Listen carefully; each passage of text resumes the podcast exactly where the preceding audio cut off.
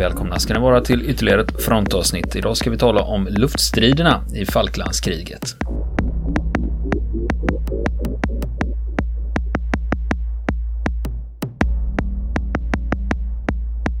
Ja du Niklas, nu var vi tillbaka. Good old Falklands War, ja precis. 1982, Falklandskriget. Jajamän. Ja. Jajamän. Ja. Våra, våra lyssnare kommer vara experter på Falklandskriget. Ja, eh, och den vanliga ursäkten vi kör, ja men det är ändå liksom två nationer, det är begränsad yta och det är hyfsat högteknologiskt. Ja, Med den precis. tidens mått mätt. Så Ja. för många andra konflikter under den här eran, det var ju ofta det fördes proxykrig i tredje världen och det var gerillakrigföring. Ja, Mycket i Latinamerika och i Afrika. väldigt tekniskt eh, Mm. ojämlika krig. Ja, så det är ju det som gör att eh, jag har fått, jag är väldigt fascinerad av det här kriget och lä- Mm. Jag gärna läser böcker och tittar på dokumentärer Men, jajamän. om det. Och det vi ska, är vi två. Ja, men sist vi pratade om det, vi har pratat om general Belgrano, sänkningen av Mm. det argentinska Jajamän. fartyget och sen har vi pratat om Goose Green, markstriderna där. Absolut. Och sjöslaget under första världskriget. Och sjöslaget under första världskriget också, så vi har varit eh, på Falklandsöarna några gånger och nu ska vi dit igen. Mm. När vi då pratar om det här med flygkrig, jag menar om vi tänker Mm. hur många månader det här kriget varade, det var ju inte särskilt länge. Nej. Och ändå, ja, vi kan köra en gissning här, hur många flygplan och helikoptrar gick det åt? Ja, alltså det, ja, det kan jag inte svara på på rak arm, men det var ju ganska tufft för britterna som var tvungna att frakta allt de skulle ha ända ner till Sydatlanten. Summan när kriget väl var över 12 juni, då hade det gått åt 136 flygplan och helikoptrar. Men alla blev ju inte nedskjutna utan del förstörda på eh, marken också. Och eh, Haverier också. haverier också. Och med vid ett tillfälle var det en Harrier, en brittisk Harrier som det, det var dåligt väder så den blåste av däck. Den ramlade av båten ner i havet så då förlorar man den då. Men summa summarum 136 Ja. Jag har ett starkt tv-minne av flygkriget, Falklandskriget, från den här tiden när man tittade andlöst på tv-nyheterna. 1982 var, vad kan jag vara, 15? Var jag nog, jag skulle fylla 15.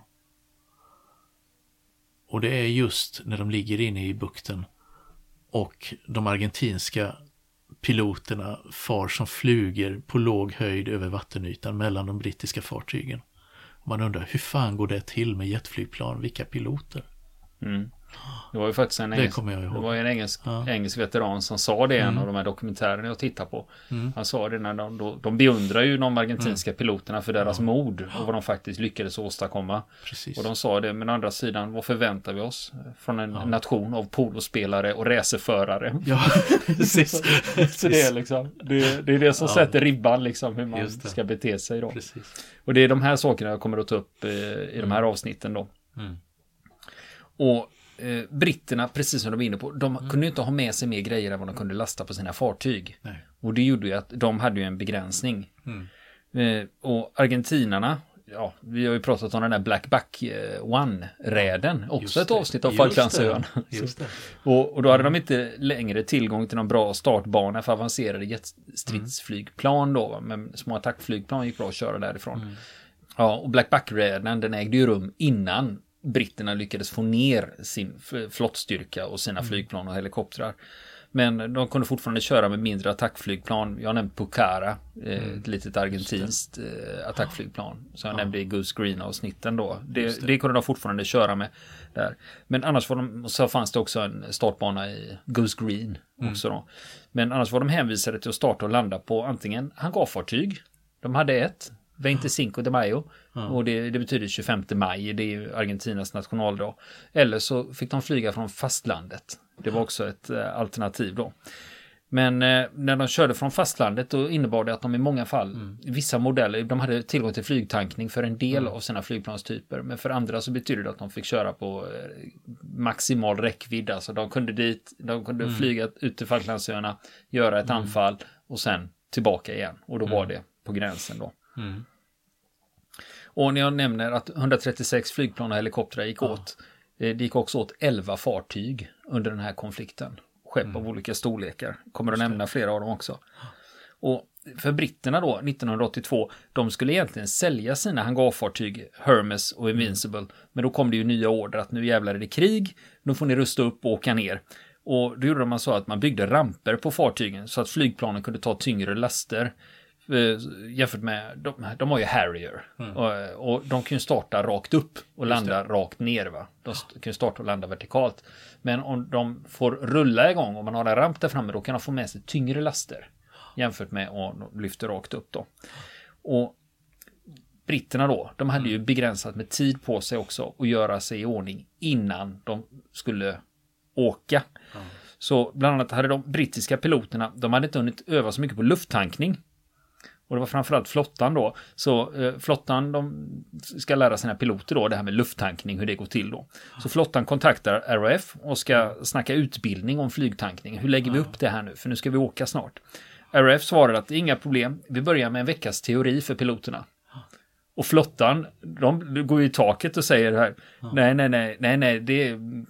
Då tänkte de så här, vi får vara lite diplomatiska också. Så de skrev så här, nej, våra piloter är redan utbildade, de behöver bara ett tankplan att öva på.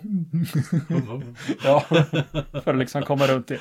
Ja, och de fick låna ett tankplan att öva på och det funkade då så de kunde sätta igång med utbildningen. Så här lufttankar man då. Just det. Och eh, det finns en person här, Commander Tim Jedge, han var i brittiska flottan och han hade 21 dagar på sig att rusta flottans flygstridskrafter för krig. Tre veckor. Sen ska ni åka. Och han ville ha en uppdatering på de argentinska flygstyrkorna. Alltså vad är det vi kommer att möta? Just det. För det var, ju, det var ju inte det första fienden man liksom hade planerat utan Nej. under kalla kriget så, så var det ju liksom, det var östblocket man ja. övade mot och ja. plötsligt så, ja vad fan, är det här farligt eller? Ja, what the fuck, Argentina, vad ligger det? Ja, vad har de att komma med? Och då, ja. då lyckas han få dit, från försvarsdepartementet, då kommer det en, eh, en analytiker och han ska då gå in och briefa piloterna och förklara. Så här ser Argentinas flygvapen ut. Ja. Så här ser deras flotta. De här flygstyrkorna har de. Och de här typen av plan har de. Och så här farliga är de. Och så här utbildade är de.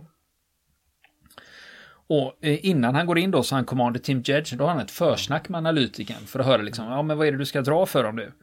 Och eh, då förklarar eh, analytikern, han säger att eh, jo, jag har analyserat läget här nu. Om vi tittar på vad Argentina har och vad vi har och vad vi ska skicka ner. Då innebär det att vi, Storbritannien, vi kommer att förlora samtliga våra Sea Harriers under slutet av dag två. Mm. Så där är flygkriget ja. slut för vår del. Ja, just det.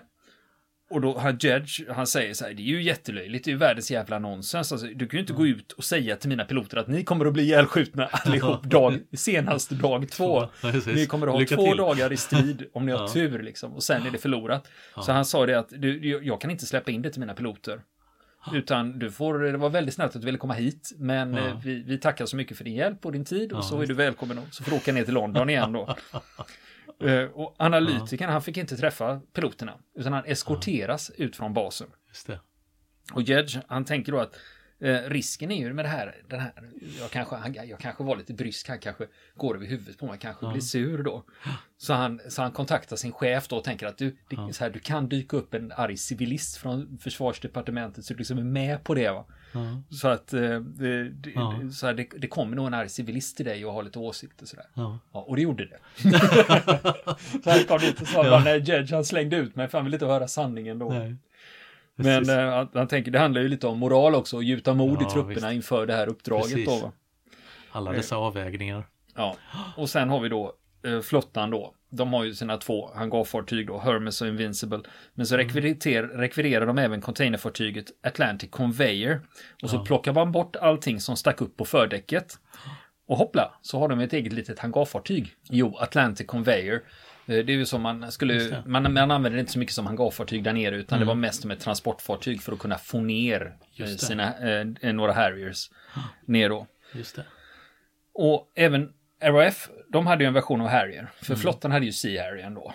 Det. Och så hade RAF då sin version som hette GR3. Och det fanns några skillnader. Sea Harrier hade bättre rostskydd de räknade med att de skulle vara ute till havs då ja, och liksom utsatta för saltvatten. Sen satt cockpiten lite högre för att ge piloten bättre synfält. Och det är ja. också en grej som är bra att ha om du ska landa på hangarfartyg. Och så hade de en annan radar och den här radarn hette Blue Fox. Och den här radarn den var gjord för att hitta mål till havs och på land. Men det som var lurigt med det här systemet var att vissa piloter har rapporterat att det här systemet fungerar klockrent, bästa jag har sett. Och andra tyckte det inte var tillförlitligt. De tyckte att det diffade ibland. Så det finns olika versioner om Blue Fox, om det var något att ha eller inte då. Och sen hade britterna precis skaffat sig den amerikanska roboten Sidewinder. Och den har vi ju även haft i svenska flygvapnet. Och det är en värmesökande ro robot, säger vi i Sverige. Vi säger ju inte missil eller raket eller Nej. något sånt, utan när det gäller den här typen av beväpning så är det robot som vi säger. Även om man hör det här på många olika. Mm. Men ofta är det ju direktöversättningar från eh, andra språk då. När man då använder sig av det. Robot heter, heter det på svenska. Och de här hangarfartygen, de åker ner till Ascension Islands. Och eh, just Ascension, jag vet i Black Back One avsnittet så kallar jag det för Ascension. Ja. Och eh, när jag försökte rota i det här eftersom det är brittiska mm. öar så kör vi Ascension. Eh, med det uttalet. Just det. Utan vi kör, vi kör brittiska uttal. Jag försökte faktiskt ringa turistbyrån där nere för att fråga. Det är så jag gör när det gäller uttal. Jag ringer ofta ja. ner då, men jag har inte fått tag på någon nere. Det här är ju en liten ögrupp mitt i Just Atlanten då. Det kanske var lite problem med telefonledningarna den dagen. Men, kan vara. Ja. Mm. Men eh, så kör vi med Ascension heter det då. Men eh, man skickar ju dit de brittiska flottstyrkorna och Samtidigt så kom det dit eh, fartyg från Medelhavet mm. och sammanstrålade där och tillsammans avseglade de den 18 april. Och då skulle de till den avlysta zonen runt om Falklandsöarna. För man har ju avlyst en zon då ja. där man säger att här är det flygförbud och allting som är innanför där det är liksom fientligt. Det. Ja. det som är utanför det pillar vi inte på men det som är i det, det angriper vi. Det ska inte vara där. Ja. Och britterna kommer inte ner för den 30 april. Det är en ganska lång tid mm. det här tar då. Och vid det här laget så större delen av den argentinska flottan, då var de till sjöss. Och den 29 april, då lade sig det argentinska hangarfartyget 25 de Mayo, ja det nämnde jag förut, 25 maj då, i position norr om avlyssningszonerna, så de mm. ligger ju på det hållet där britterna kommer. Just det. Jag sa ju det också att 25 maj det är, alltså, det är Argentinas eh, nationaldag då, för det var det eh, datumet när de frigjorde sig från Spanien, de var ju spansk koloni. Och det var 1810 som de tillsatte sin självständiga regering. Och det är väldigt viktigt för eh, argentinarna då. Hangarfartyget ligger ju norr om öarna. Mm. Och sydväst om öarna, då patrullerar den gamla kryssaren general Belgrano. Som vi har pratat om tidigare i ett avsnitt när vi berättar om dess historia under, ja. Ja, under amerikansk flagg under andra världskriget. Och, men när vi ska titta på flygstridskrafterna, vad argentinarna hade, så hade de tio gånger mer plan än vad britterna hade med sig. Tio gånger mer, sa jag. Ja, Just det. det och då har man, det har man, då har man ja. titta på vad de har, bland annat har de 16 stycken Dassault Mirage 3 ja. Och argentinska flottan hade Dassault Super Attendant, det är franska flygplan det här. Och de här eh, Super Attendant som eh, eh, argentinarna hade här, de var ju beväpnade med Exocet-robotar. Mm. Och det var en sjömålsrobot. Och problemet var att de hade väldigt få. Och jag vet när första gången jag läste en artikel om det så stod det att de hade en handfull. Och då tänkte ja. jag hur mycket är en handfull? Och då tittade jag närmare och då visade det sig att de hade fem kompletta Exocet-robotar. För Frankrike hade utfärdat ett embargo mot Argentina så de kunde inte få in fler. Mm. Och Exocet är franska och det betyder flygfisk. Och det hänger ihop med hur den här sjömålsroboten fungerar för den flyger alltså väldigt nära vattenytan. Just det. Och det är till och med så att det bildas strimmer efter ja. den i havet. Så lågt flyger den. Och det här var riktig high tech ja. i början av 80-talet. Ja, den flyger nästan i ljudhastigheten. Så den mm. flyger ju fort va. Just det. Och svensk motsvarighet till det här, det är Robot 15. Heter mm. den. Vi har säkert någon eh, lyssnare som känner, ja Robot 15, den hade de ju när jag tjänstgjorde där. Ja, just det. Ja, Robot 15, precis. Och sen nämnde jag det här, den här franska flygtillverkaren ja. Dassault. Just det. Och eh, det var så den franska flygplanskonstruktören Marcel Dassault, det var han som grundade företaget. Eh, det här är en riktig avstickare. Men det är så att för er som gillar Tintin-böckerna och har läst dem fram och baklänges. Eh, då är det, det är nämligen den här Marcel Dassault, det är han som är förlagan till flygplanskonstruktören Laszlo Carreidas i Tintin-albumet. Är det det? Plan 714 till Sydney, det vet hatten ja, och alltid en halsduk sådär. Det visste inte jag. Ja, han, Marcel Dassault, han hade alltid halsduk och hatt på sig. Precis som ah. Carreidas då. Men det är okänt, eh, just eh, när det gäller Dassault då, det är mm. okänt om han också fuskar i att sänka skepp. det vet jag faktiskt inte. Det måste vi utreda. Ja, Det gör vi. precis. Det, vi får göra ett avsnitt om Dassault då. Ja. Men eh, utöver de här franska planen som jag nämnde nu så hade också amerikan, eh, så hade argentinarna gamla amerikanska A4 Skyhawk, A4 Skyhawk då. Och de var ju köpt dem begagnat då efter Vietnamkriget. Och de hade ju tjänstgjort på eh, bland annat amerikanska hangarfartyg. Och sen hade de också israeliska Mirage 5 då. Ja. Och de här, ja, man kallar dem inte Mirage 5, man kallar dem för Dagger, heter den flygplanstypen då. Och då var det så här, problemet med argentinarna då, det var att de hade bara övat flygstrid mot sig själva. Medan britterna, de hade övat mot alla möjliga flygplanstyper från andra länder. ja, För att öva olika typer av taktik, vad som fungerar bäst då. Och sen hade det argentinska flyg, flygvapnet begränsat med erfarenhet av luftstrid till havs. Flyg, flottan Ah, just det. håller ju självklart till till havs, men, Ja, eh, Men flygvapnet, de var mest kon, eh, koncentrerade kring strid Mm. över land och det berodde ju på eh, de låg ju lite i clinch med Chile nämligen. Just och visste det. att det kunde hända någonting just det. gentemot det. Så det var väl framförallt det som var ärkefienden då. Precis Ja. som britterna hela tiden hade östblocket som den tänkta fienden. Men å andra sidan, eh, argentinska flottans piloter, de hade ju erfarenhet av eh, sjöstrid. Va? Hur, det, hur, det, hur det skulle gå till då.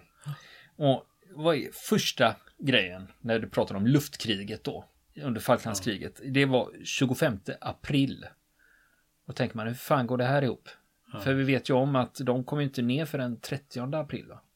Jo, det som hände, det här var inte i närheten, det var inte ens i närheten av Falklandsöarna utan det var på Sydgeorgien. För där var det en brittisk Wessex-helikopter som släppte två sjunkbomber mot den argentinska ubåten Santa Fe. Ja, För i Sydgeorgien så hade det också varit en liten skärmytsling, just det. skulle man kunna kalla det. Och britterna satte in fler helikoptrar och kaptenen på ubåten han valde att sätta den på grund för att den inte skulle sjunka. Den hade blivit tilltygad där då. Ja, Och den lilla argentinska garnisonen på Sydgeorgien, de kapitulerade till brittiska kommandos. Det är också sån här eh, in, in, liten intressant kommandoräd som kanske är värt ett litet eh, eget Ja. frontavsnitt. vem vet, det Ja. kan dyka upp ett. Ja, no, det blir det. Det kommer att bli mer i alla fall. Och, och det var ju också där, jag nämnde ju 25 april då. Att eh, det var ju vid den här tidpunkten som britterna förberedde bombräden Black Buck One. Eh, Och den har vi ju pratat om och det. det. anfallet skedde första maj då. Mm. Så det var ju några dagar innan. Och, eh, men sen kommer ju då brittiska flottan och hangarfartygen, då kommer de ner till området. Och Sea Harriers på Invincible, de började patrullera. Det är något som när man läser böcker om det här, då kallar de ofta det för CAP eller CAP. Och det är för Combat Air Patrol. Det vill säga du flyger runt och stridsspanar och är beredd på det. att det- ska hända något då. Och på den morgonen, då upptäcker en radarofficer på Invincible, alltså hangarfartyget, inkommande flygplan. Och löjtnant Paul Barton, han var ute med en Sea Harrier. Då noterade han sex Mirageplan på 35 000 fot. Men de gick inte ner för att ta upp striden med britterna. Och britterna vågade inte ge sig upp dit. För de, för de hade gjort bedömningen att de här franska planen, de var som farligast på den höjden då. Så då blir det ingen flygstrid vid det här tillfället. Men eh, det var första gången man liksom hade någon form av kontakt med varandra. Men senare på dagen, då bryter det ut strider mellan argentinska och brittiska plan. Och första segern, det stod löjtnant Paul Ba- Barton för. Han träffade en Mirage med en Sidewinder och sprängde bort allt bakom cockpiten. Och Bartons rotortvåa Thomas, han lyckas skadskjuta en Mirage precis när den flyger in i molnen. Men den lyckas ta sig till Paul Stanley. Och då tänker man, då borde den ju rimligtvis klarat sig. Ja, Nej, den blir nedskjuten av argentinskt luftvärn. det är ju första segern för Ja, luftvärnet. friendly fire. Ja. Ja. Men samtidigt så kommer det tre daggers och de Ja. lyckas träffa brittiska fartyg med sina automatkanoner. Men de, och så fäller de bomber, men Ja. missar precis. Så nu klarar de sig den, Ja. den gången då. Och sen är det två andra daggers som tar upp striden med två brittiska plan. Och daggersarna, vad säger man Ja. i plural? Daggersanarna. Ja. Ja, daggersarna, de är beväpnade med israeliska värmesökande Shafrim, ska vi se, Shafrir, Shafrir heter de, Ja, Shafrir-robotar. Och argentinerna öppnar eld på långt avstånd. Men eh, den här piloten de var ute efter då, Penfold heter Ja. han, han lyckas försvinna in i molnen och roboten tappar målet då. Ja, Och Penfold vänder om och lyckas sätta en dagger. Och den andra daggern avbryter då och vänder hemåt. Så han sätter en och den andra sticker då. Samtidigt så är sex argentinska bombplan på väg. Och de är av typen Canberra. Och det är alltså sex stycken, det är alltså hälften av argentinarna har av den här flygplanstypen. Och ett av Canber- Canberra-planen, de träffas som en Sidewinder från en Sea Harrier och de andra avbryter. Och de här planen, de är från 50-talet vid det här laget. Ja, det är fortfarande från 50-talet. Ja. Och de är tillverkade i Storbritannien. Det är en Ja. brittisk eh, flygplanstyp. Ja, de var nästan 30 år gamla. Då. Ja, och svenska flygvapnet de köpte faktiskt in två stycken. Ja. Och de fick beteckningen TP52. Och TP, Jag byggde en Airfix-modell en Canberra. Ja. och TP det står ju då för transport. Och, och här i Sverige så använder man ett av det till eh, signalspaning och ett, eh, det andra använder man som forskningsplattform. Och de gick i pension 1974. Och vill man titta på dem idag så står ett på Svedinos bil och flygmuseum i halländska Ugglarp. Och sen så det andra står på Flygvapenmuseum i Linköping. Så de är bevarade. Och nu ska jag prata om vad som händer 1 maj. Det. Tills jag säger något annat så är det första maj där det Ja, händer. då. okej. Ja. Och efter den här dagen, då hade ju britterna lärt sig några saker då. Att eh, all deras högteknologi inte alltid funkar som det stod i broschyren. Mm. Det, det, det, reklambroschyren. Ja. Tack för, tack för ditt köp av den här. Ja, för fartygens radar, den funkar Ja. inte alltid mot snabb, små snabba mål. När de hade terräng i bakgrunden. Och de var mer lämpade för att hitta fientliga fartyg på öppet hav. Det, det var det det var byggt för. Och det här hände också för Sea Harrier nämligen. För den var ju också med ja. sitt Blue Fox-system var ju den gjord för att Just hitta fartyg egentligen. Just det. Och det gjorde att den tappade mål som flög in över land. Så den kunde liksom låsa ett flygplan. Men så var det terräng i bakgrunden. Då blev det liksom... Äh. Då försvann den. Ja. Men än så länge så ser det ju bra ut för britterna. För de har inte förlorat några Harriers. Och de har lyckats nedkämpa en Dagger och två Mirage. Eh, Ja, två Mirage, en med hjälp av argentinskt luftvärn. Och så, har de fått, mm, och så har de fått ner en Canberra också. Ja. Och en del av den här förklaringen det var bristande stridsövning hos argentinarna. Men då tänkte de så här att men i takt med att det här fortsätter, kriget nu, Ja. då kommer ju antagligen argentinarna att dra slutsatser av vad som har hänt. Och då kommer de att bli bättre. Ja. Och då kan de bli farliga. För än så länge så har vi liksom kommit undan med blotta förskräckelsen. Det som argentinarna mest hade oroat sig för, det var robotarna Seawolf och Sea Dart. Och det är något du skjuter från fartyg för att skjuta ner flygplan. Men nu var det Sea Harrier med Sidewinder som hade ställt till det för dem under den här dagen. Då. Och eh, sen, eh, de hade ju robotar, eh, argentinerna, och eh, de, de hade en fransk robot som heter Magic och den israeliska roboten Shafrir. De hade visat sig ganska värdelösa på långt håll. Ja. Så det hade inte gett något resultat när du, även om du hade en låsning och tryckte så gav det inte det resultatet som det stod i broschyren. Nej. Men sen kommer nästa dag, 2 maj. Då är det 32 landmil. Eh, nu är det ju så här, ofta när man läser om det här så envisas en del med att använda sig av sjömil. En del använder engelska miles och en del använder kilometer då. Så jag har översatt eh, allting så det skulle bli begripligt här. Och då är det 32 landmil nordväst om brittiska flottan. Där ligger det argentinska hangarfartyget Cin- eh, 25 de Mayo. Men de hade ingen vind. Det var vindstilla. Och katapulten orkade inte dra upp ett fullbeväpnat A4 Skyhawk. Ett A4 Skyhawk då. Så man har Utan tankat det och lastat. Ja. Så, för du startar ju för det här med vind. Jo, Ja. du behöver motvind för att Precis. få tillräckligt med luft mot planet. Annars kan du inte lyfta. Och det är därför som plan alltid startar och landar i motvind. Och i det här fallet så krävdes motvind för att få upp Skyhawks från det här hangarfartyget då. Och sen hade vi den här kryssaren General Belgrano. Och den var ju knappt fem landmil söder om den avlysta zonen och på väg österut. Och den var förföljd av den brittiska atomubåten HMS Conqueror. Och brittiska flottan oroade sig för att de skulle göra en kniptångsmanöver Mm. och bli inlåsta. Så därför beordrade de anfall mot general Belgrano. Och den träffas ju av två torpeder och sjunker två timmar senare. 321 man omkommer. Men Belgranos roll hade varit att skydda hangarfartyget. Och utan skydd så beordrar man hangarfartyget att bege sig mot fastlandet. Och nu har argentinarna inte längre ett hangarfartyg i det direkta området. Just det. Utan plötsligt så ökar avståndet då för om man ska göra några insatser. Så man är inte lika snabba längre. Just det. Och det argentinska stridsflyget. Nej, och sen också det argentinska stridsflyget, de flög även från fastlandet då. Och Super Attendant och Skyhawks, de kunde ju lufttankas, men inte Daggers. Och Mirage 3 omdirigerades för att skydda Buenos Aires. För man visste inte om Nej. britterna skulle ge sig på ett anfall Just mot det. huvudstaden. Det kunde de ju gjort. Det vet Ja, vi, visst. visste ju inte de då. Och det man var rädd för det var att Valkens skulle komma dit och bomba huvudstaden. För man visste ju att kan de åka till Falklandsöarna och träffa en landningsbana som de gjorde den de första maj. också, ja. Då kan de ju komma hit också. Precis. Men sen är vi framme vid den 4 maj. Och då är det en argentinsk Lockheed P2V Neptune. Det är ett plan man använder för ubåtsbekämpning och spaning. Inte särskilt snabbt plan. Ja. Det upptäcker brittiska fartyg på sin radar. Och fartygen de är 13 mil söder om Port Stanley. Och Lockheeden vidarebefordrar fartygens positioner till två Super Etendard. Och de är beväpnade med varsin Exocet-robot.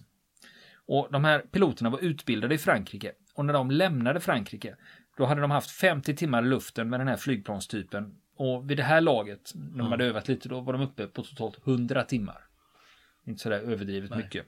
Just det. Och piloterna på just det här uppdraget då, eh, de heter Capitan de Fregata Augusto Bedacaraz och Teniente Armanda Mayora. Och de här graderna de har, Capitan de Fregate, det är ungefär kommendörkapten i flottan. Och. Teniente, det betyder löjtnant. Ja, ja. Så det är där man lägger. Och den här roten då, eh, roter det är ju två flygplan. De flyger 15 meter över havsytan under 32 landmil. Och när de närmar sig målen, som de hade fått från Lockheeden, då går de upp till 160 meter, så slår de på radarn. Radarn ser ingenting, de går ner igen. Fortsätter framåt. 40 kilometer senare, då går de upp igen, slår på radarn och nu får de resultat. På deras radar så ser de de brittiska fartygen. Och det första fartyget de får in på radarn, det är jagaren HMS Sheffield. Och då gör de så, de får upp den på radarn, då matar de in koordinaterna i sitt vapensystem och så går de ner på låg höjd igen. För nu har de ju den. Nu vet de ju var den Precis. finns. Och då så gör de några sista kontroller av vapensystemet och ser att allting är Ja. färdigt för avfyrning. Och då trycker de av. Och det här med jagare, det är egentligen inget speciellt stort fartyg. Men de hade en så pass lång sträcka kvar till hangarfartygen att de inser att ska vi ta oss ända till hangarfartygen då måste vi passera en jäkla massa fartyg på vägen dit. Och vi är rädda för deras Seawolf och självmord. Sea Dart. Ja, Så att vi, vi, vi vill gärna Ja. in- inte göra det då. precis. Utan istället så blir det HMS Sheffield som de avfyrar mot. Och dessutom så räcker planets radar ändå inte hela vägen fram till de hangarfartygen. För de har behövt flyga förbi HMS Sheffield och några andra plan. Och, eh, och då undrar man, på hur långt avstånd kan du avfyra en Exocet-robot innan, eh, innan, mål, innan målet? Då? Det. Och det är alltså, eh, i det här fallet så är det mellan 32, någonstans mellan 32 och 48 kilometer. Ja. När man trycker på knappen och skickar iväg det. Det är tre mil som den här flyger. Ja. Det. Och, och det räcker för att de ska kunna låsa målet i alla fall. Och de två planen de avfyrar varsin exocet och vänder direkt efteråt. Och robotarna de flyger strax under ljudhastigheten, några få meter över vattnet i rak kurs mot eh, HMS Sheffield. Och på HMS Sheffield så var de inte så där bekymrade över luftangrepp. Det de var rädda för, det var ubåtar. Så de koncentrerade sin spaning på ubåtar. De höll utkik efter ubåtar. Men grannskeppet bredvid där, HMS Glasgow, de ser planet på sin... De såg, såg de här planen på sin radar och ropade ut eh, handbrake över radio. Ja. Och det är en varning då för att... Eh, här, Det är ett kodord då för att eh, för fientligt flyg. Men på Sheffield så händer det ingenting. De höjer ingen beredskap och inga motmedel förbereds heller. Och Sheffield själv upptäcker robotarna när de är på väg. De tar henne på radarn, alltså de upptäcker dem på radarn. Att nu är det någonting på väg. Och radaroperatören där han informerar robotchefen ombord. Men då har det gått så lång tid så nu är det liksom inte någon idé att ens försöka. Va? Nej. Nu, nu har man missat sin chans. Och besättningen på Sheffield ser robotarna komma flygande mot dem. Ja. Eh, och en av besättningsmännen säger i en intervju eh, i en av de här dokumentärfilmerna att det ser nästan ut som en torped som närmar sig. Eftersom exoceten flyger så lågt så lufttrycket påverkar vattenytan så det blir som en strimma efter roboten. Så han, de trodde först det var torpeder som kom. Och det är inte konstigt om man håller utkik efter ubåtar att man tror att det är torpeder. Och några sekunder senare så slår en av de här robotarna in midskepps. Och den slår in 2,5 meter över vattenytan på däck 2. Och stridsspetsen som sitter i exoceten, den detonerar inte. Men om du kommer med 670 kilo robot i 1100 kilometer i timmen så är det robotbränslet som antänds just och som ställer till med stor skada. Så fast roboten inte detonerar så dör 20 britter. Och fem dagar senare så sjunker fartyget Ja. utan att stridsspetsen detonerat. Just det. För att eh, blivit sådana bränder ombord. Ja, Så man lyckades inte eh, lösa det. Och plötsligt, det här var ju ett enormt bakslag för britterna. Ja. Och alla som var läskunniga eller hade tillgång till radio eller tv någonstans i världen fick då lära sig ordet exocet. Mm. Det hade man inte hört talas om tidigare. Precis. Och nästa vecka så fortsätter vi historien om flygstriderna i Falklandskriget. Vill ni komma i kontakt med oss så kan ni göra det via vår Facebook-sida som heter Fronten. Det är inga problem för er att leta er fram där. Eller också så mejlar ni på vår mejladress och det är frontenpodcast@gmail.com.